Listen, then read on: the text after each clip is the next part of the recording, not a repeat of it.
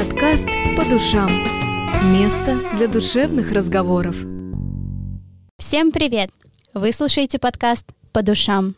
С вами ведущая Арина Дмитриева и Нина Брянцева. И наш сегодняшний подкаст посвящен неделе моды. У нас в гостях человек, который знает о модельном бизнесе буквально все и, может быть, даже больше. София Вендер. Здравствуйте. София — это человек, который буквально научился сочетать несочетаемое, но не в плане одежды, как вы сейчас подумали. А София — успешный юрист, работающий над серьезными кейсами и профессиональная модель. А, София, расскажи о своем опыте участия в таких мероприятиях, как Неделя моды. Может быть, помимо Таллина ты принимала участие где-то еще? Э, я действительно принимала участие, помимо Таллина, где-то еще. Это в странах Азии, Европы я делала неделю моды, но это совершенно две разные истории. Э, Таллинская неделя моды, европейские недели моды. Э, европейская неделя моды — это такая гонка сумасшедшая, это подъем моделей рано утром, беготня целый день, кучу показов в день происходит. Все тенденции, которые мы получаем, это мы получаем с недели мод Париж, Милан, Нью-Йорк, э, Лондон. Это такие основные mm-hmm. некие меки, мека такая э, для любителей моды. Что касается таллинской недели моды, мы получаем не то, что тенденции, которые будут э, весной, летом 2022 года, это больше такое Э, как все у нас в Эстонии, это миниатюрное, камерное, счастливое и доброе.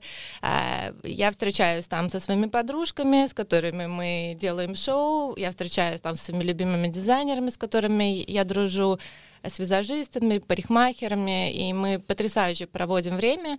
А, Таллинская неделя мод начинается во вторник, заканчивается в пятницу, и каждый день а, там около 4-5 шоу. Угу. Слушай, ну пока что Таллинская неделя моды мне нравится явно больше по описанию. Она дружелюбнее, атмосфера лучше, поэтому, безусловно, всем советую сходить, посмотреть. Э, и цены более чем дружелюбные на эстонских дизайнеров, поэтому можно себе что-то присмотреть. Ну, то есть, э, если мы говорим о Таллинской неделе моды, то есть это такая прям дружелюбная атмосфера. А что касаемо, допустим, азиатской э, недели моды, то там между моделями происходит ли какой-то близкий контакт, ну, в том плане, вы дружелюбны друг к другу, или все же это там чувствуется конкуренция? Я думаю, что конкуренция я не думаю, что кто-то искренне желает, чтобы э, девочка какая-то упала со сцены, сломала ногу. Или все больше работают как команда, чтобы не расстраивать нервного дизайнера, чтобы все получилось. И так как это большие деньги, это при очень много видео, съемок, фоторепортажей, задействовано много digital, например, сейчас э, в корону а, все перешли на digital и показывают, и это стали показывать не, не в живом формате, а в дигитальном формате. Поэтому столько много людей задействовано и столько много денег задействовано, что все крайне профессиональные, и я не думаю, что занимаются какой-то такой ерундой, чтобы кому-то нагадить. Ну, видишь, за твоей спиной уже много лет э, опыта моделью а, молодые девчонки, которые, вот, допустим, в нашем возрасте, как Нина, то, которые буквально недавно выходят вот на этот рынок, а, среди них чувствуется какое-то такое напряжение, косые взгляды. Мне нравится, как ты сейчас меня сразу опустила. Я сижу, старая женщина, с седой головой, а у вас с Ниной все будет хорошо. Ну а у меня уже все было. А, э, безусловно, молодые девочки нервничают, когда делают первое шоу. Многие продолжают нервничать до конца. У меня есть одна подружка, которая вот прям 20 лет этим занимается и все равно нервничает каждый раз а, перед выходом на сцену а, но э, я так понимаю, что в моделями становятся все-таки люди, которые хотят внимания, хотят на сцену, которым нравится это внимание. Интровертам, наверное, это не совсем правильная профессия. Угу. Ну да, скорее всего, как бы боязнь сцены их сожрет. конечно, и ты зажмешься, не сможешь раскрыться, а ты должна очень быть уверена, когда ты выходишь на сцену, ты должна за эти пару секунд показать в лучшем виде одежду. Плюс а, сейчас дизайнеры склоняются к тому, опять же, если мы посмотрим а, на неделю моды, которая происходила в Париже, то зовут, э, дизайнер зовут представлять свою одежду уже каких-то личностей, э, celebrities, э, актрис, а, инфлюенсеров. А, они хотят, чтобы это действительно была личность, которая носит их одежду. И для девочки интроверта, зажатого, э, сутулой спиной, наверное, это не совсем правильная профессия. Ну а все-таки насколько сложно начать пробиться в эту сферу вот с нуля?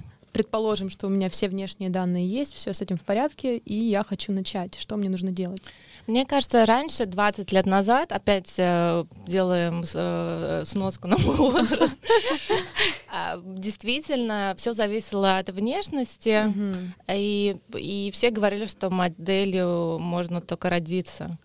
А вот если ты, у тебя есть эти внешние данные, тогда у тебя есть шансы, также какие-то знакомства. Но сейчас все это настолько изменилось, мне кажется, достаточно одного желания. Если хочется быть моделью, но ты не в том формате, э, ты докажешь, почему именно ты нужна. Плюс дигитальные опять возможности колоссальные.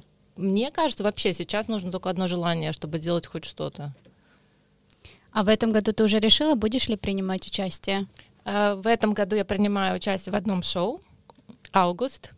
Э, оно будет в четверг, так что приходите, посмотрите. Мы обязательно придем. Хорошо. Буду ждать. А может быть, ты знаешь каких-то эстонских дизайнеров, которые прям полюбились тебе? Может быть, какие-то дизайнеры, ну, э, вещи дизайнеров ты уже носишь? Да, посоветуй нашим слушателям, может быть, что-то приобрести все дизайнеры, которые работают в Эстонии, для всех я делаю какую-то работу, это мои клиенты, я сейчас не э, э, Я не буду сейчас говорить про тех, которые мне больше нравятся или меньше, я их всех люблю, потому что для всех для них работаю. Э, так как я пришла во всем черном, понятно, что я много ношу дизайнерской одежды и люблю разный цвет и это не так. Но э, я могу рассказать, совсем недавно я делала шоу э, для Оксаны Тандет, и у нее, как всегда, очень элегантные, красивые вещи, но они, опять же, для э, женщин постарше, не для mm-hmm. вас, девочки. Вот. Э, очень много. Как раз неделя моды в этом году а, есть новые имена. Есть а, не совсем такие мамонты э, эстонской моды. Есть новые имена, и стоит сходить и посмотреть для себя открыть каких-то новых, ну, новые имена, новые. И, и эстонский дизайн действительно очень необычный, он такой самобытный, это действительно классное мероприятие, и, и можно действительно найти для себя что-то интересное. А вот правда ли работа моделью является работой мечты, потому что в детстве каждая девочка, мне кажется, мечтала о подиуме, мечтала об этих фотосессиях, особенно когда мы смотрели американские фильмы, это казалось какой-то невероятной мечтой. Да, кстати, у меня одноклассники все, одноклассницы точнее, мечтали быть либо моделями, либо почему-то дизайнерами ландшафта. С дизайнерами, ладно, давайте, будет другая тема, да, почему модели? Э, я так думаю, что это большая-большая ошибка. Это очень тяжелый физический, моральный труд, начиная от того, что маленькую девочку, 14-летнюю, вырывают из школы, она улетает в совершенно новую страну, она живет там одна или в модельных апартаментах, которых, получается, живешь вместе со своими конкурентами, mm-hmm. с которыми ты и будешь друзьями. Ходишь на кастинги, ходишь э, с утра до вечера, работаешь, в лучшем случае, потому что может такое происходить, что ты 8 раз в день, 8 кастингов в день, 8 раз в день получаешь отказ. Э, в, в нормальной жизни ты сходишь, ну, не знаю, ну, на 5 интервью даже при плохом раскладе и все-таки получишь работу. То, что касается модельного бизнеса, у тебя 8 кастингов в день, и ты 8 раз тебе говорят, что некрасивая. Mm. Грубо говоря, поэтому тебя не берут. А, и Помимо этого, ты очень много, а, много одиночества, потому что у тебя это не твоя, не твоя страна, ты в ней находишься три месяца, пока длится сезон.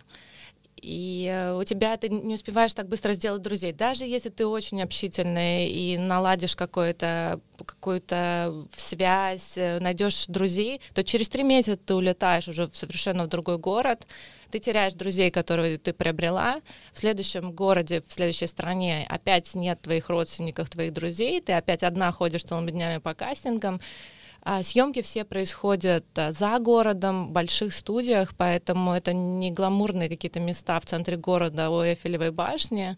В Париже, а это будет где-то на последних станциях метро, там будут происходить съемки целый день и какие-нибудь очень э, какую-нибудь коллекцию шуб будет снимать летом, летом будут э, э, тебе будет очень жарко, купальники будет снимать зимой, это такой тяжелый труд, и это не какая-то шутка. И это, ну, это называется модельный бизнес, он и есть как бизнес. И к тебе относятся так же. Никто тебя не будет тебе говорить, София, ты красивая. Скорее тебе скажут пять вещей, что тебе плохо и что надо сделать лучше. И, mm-hmm. и ты с этим должна работать. А ты... вот если бы, допустим, тебя бы маленькая девочка спросила, которая только начинает э, вступает в этот модельный бизнес, что бы ты ей посоветовала? Э, иметь очень крепкие стальные нервы, стержень и и не слушать никого, слушать своих родителей, которые ее поддерживают, иметь вот эту группу поддержки, потому что будет очень много одиночества, очень много будет, ну, девочка будет находиться одна. Этого надо реально хотеть. Если ты действительно это хочешь, ты понимаешь, что это твое, то тебе ты, ты не будешь смотреть на это как на какие-то препятствия. То же самое э, любая работа юриста. Если тебе нравится читать договор, просматривать эти пункты, искать эти несоответствия, для тебя это не пытка.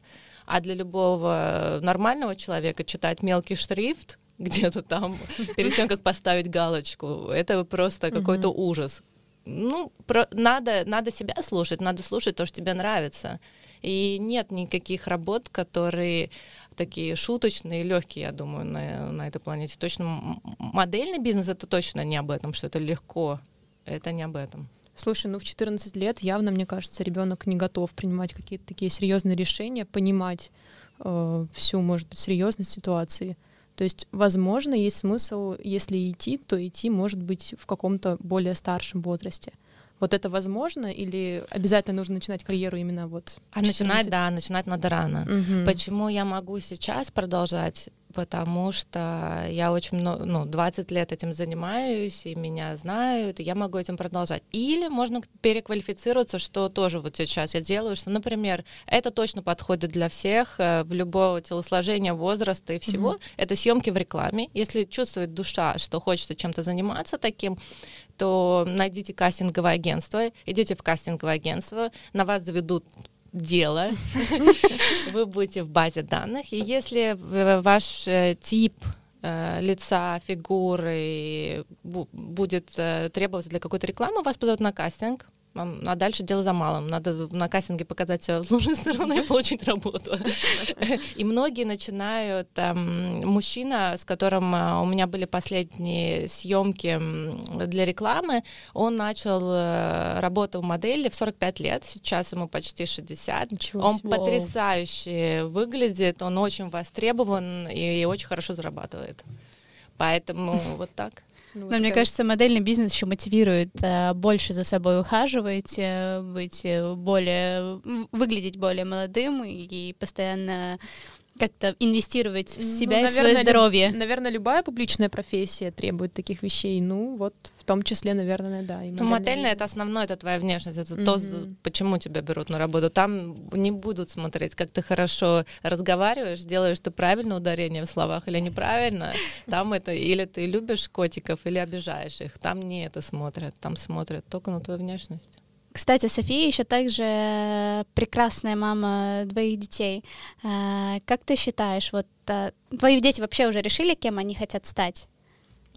У моих детей по сто раз э, сменяется э, мнение, кем они хотят быть. И часто единственное интересное, что прослеживается в них, что они, так как у меня две профессии, которыми я занимаюсь, то они всегда называют, я буду футболистом и диджеем, я буду ветеринаром и парикмахером. Они тоже всегда называют две профессии, кем они будут. Слушай, ну круто. Мне кажется, это классно.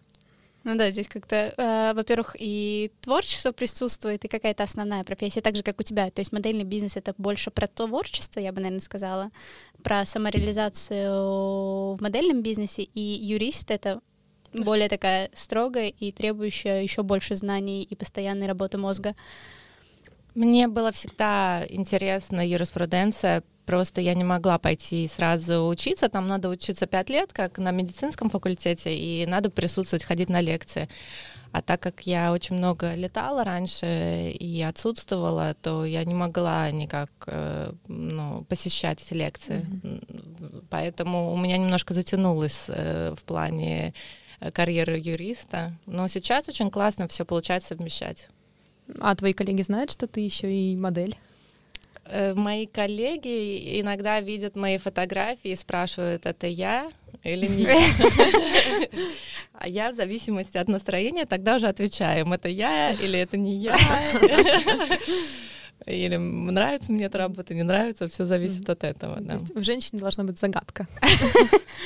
Ну, в моем случае это слишком две разные профессии, и для того, чтобы меня серьезно воспринимали в юридическом мире, как профессионала-юриста. Э, мне не хочется, чтобы отталкивались от моих фотографий в журнале. Слушай, а вообще, как часто приходится сталкиваться с какими-то стереотипами а, по поводу твоей профессии модели? Были, были такие случаи вообще? Ну, основные стереотипы... Нет, одни и те же вопросы, например, задают, что... А, а правда, что моделям дарят одежду? А, правда ли? Правда? Нет. Жаль. Ну все, не пойдем в модели. Моделям, моделям могут подарить одежду как плату за работу. Угу. Но никак Э, никак, э, ни в коем случае, ну, как не дополнительный подарок. Mm-hmm. Очень крутым моделям, которые топ-модели, я думаю, любой бренд за честь э, ему подарить что-то очень классное, Наоми Кэмпбелл. Или, а если ты рядовой просто сотрудник? Про модель можно так сказать? В модельном бизнесе, то вряд ли тебе что-то просто так подарят. Какие-то, может быть, еще стереотипы были? Стереотипы какие? Что модели глупые. Вот. Э, этот стереотип э, такой, потому что модели начинают очень рано, и в 14 лет, наверное, еще не очень э, умные, но модели, если модель выжила там первую свою поездку за границу, отработала там неделю моды и съемки и переехала в другую страну, то она уже справится с со всем чем угодно. Это люди с, с просто стальные, очень сильные, очень выносливые, и жизнь, жизненный ум у ну, модели колоссальный. Ну да, даже я смотрела как-то передачу «Топ-модель», и украинское шоу, по-моему, российское было, и да, американское, да, да. и там прям показывали, что модель должна быть эрудированной и уметь и разговаривать не только на своем, на русском или украинском языке, она должна знать английский, она должна знать какие-то исторические факты, чтобы уметь вести светские беседы среди всех, а, всех дизайнеров, всех а, продюсеров, то есть быть э, наполненный чем-то. То есть быть личностью. Быть личностью, правильно, да, будет сказано.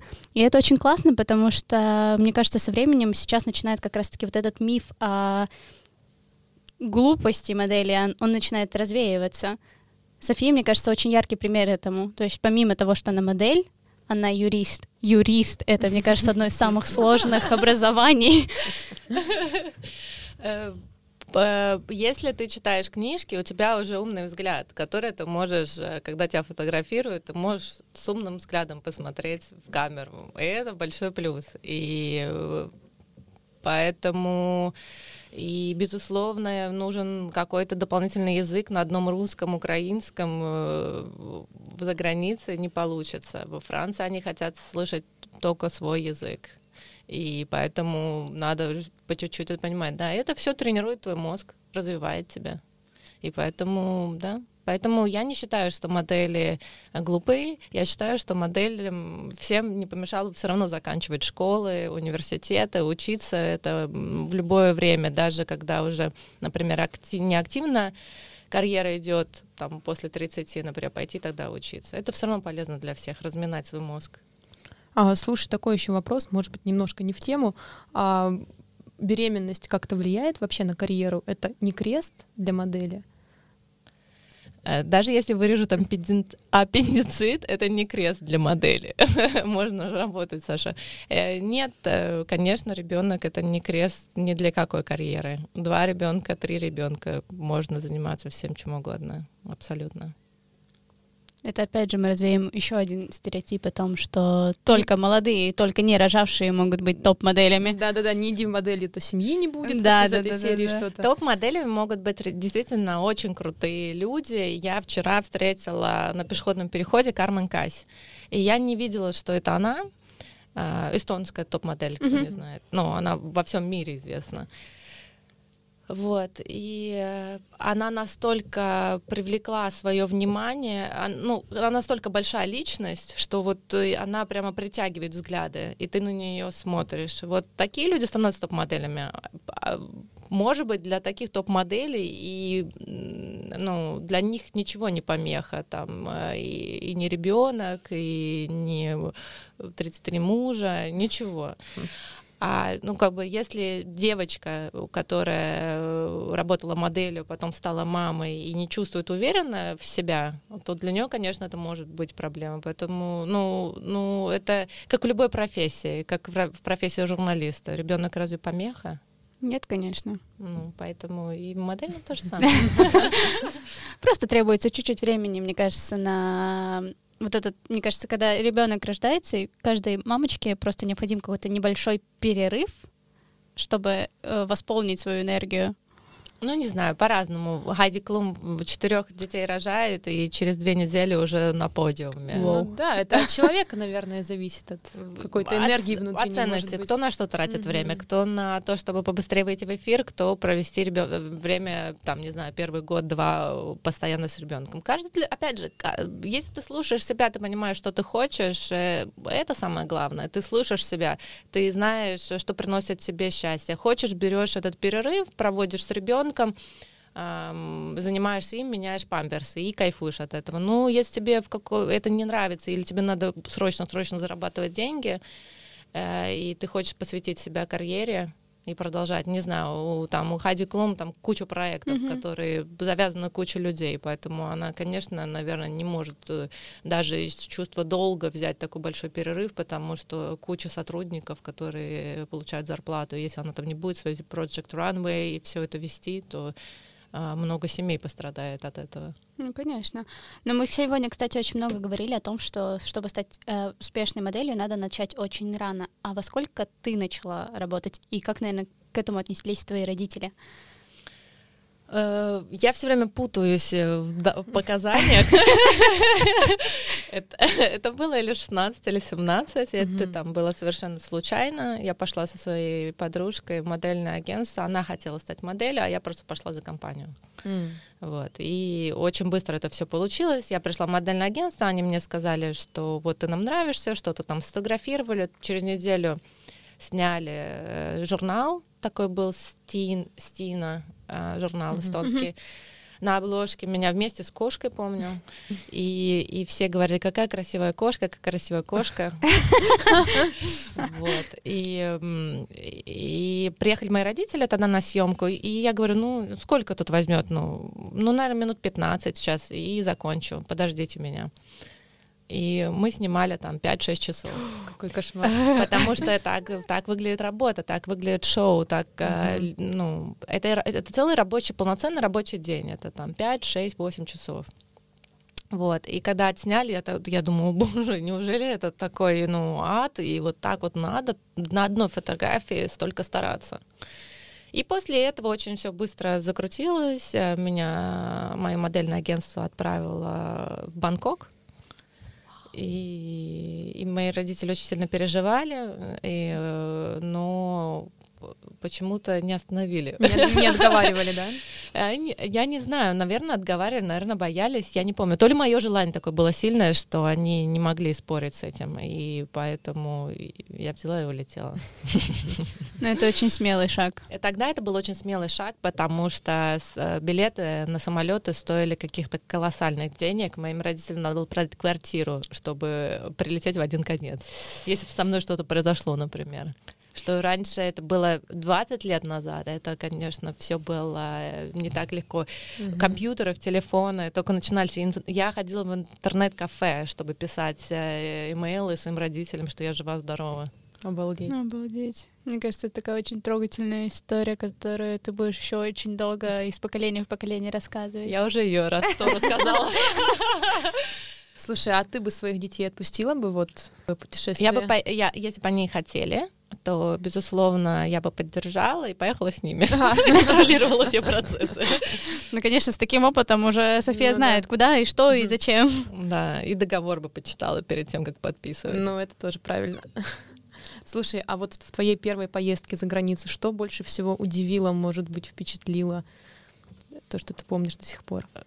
Я очень хорошо помню, что так как это была Азия, и я не, не владела английским языком, хоть я и ходила на все курсы на свете, учила, переучила английский, но почему-то он мне не давался. Я приехала mm-hmm. туда, и я была как такой э, глухой, слепой котенок. Я не понимала, куда мне идти, я не понимала, что мне говорят на английском. Я не могла сама ничего ответить. И я жила в модельных апартаментах с другими моделями. Они, например, начинали что-то рассказывать, смеются. И я начинаю смеяться, что я хочу тоже с ними, как бы я с вами, ха-ха-ха. Они, а что ты смеешься? Как бы, они же знают, что я ничего не понимаю, что они говорят. И мне было очень грустно того, что я не могла ни сама разъясниться, меня никто не понимал. И еще большая проблема была была с едой, так как э, я не понимала, что мне есть в Азии. Я не умела сама себе приготовить еду тоже. И я питалась в Макдональдсе. Сейчас будет антиреклама Макдональдса. Делайте ставки, девочки. Сколько килограмм я набрала за два месяца? За два месяца? Ну, не знаю. Десять. Десять? Да. Кошмар. И когда я вернулась... Причем это не то, что я ела на завтрак, обед и ужин на Макдональдс. Я не употребляла mm-hmm. это в больших количествах. Я просто заменила нормальную нашу человеческую еду на э, вот такую еду.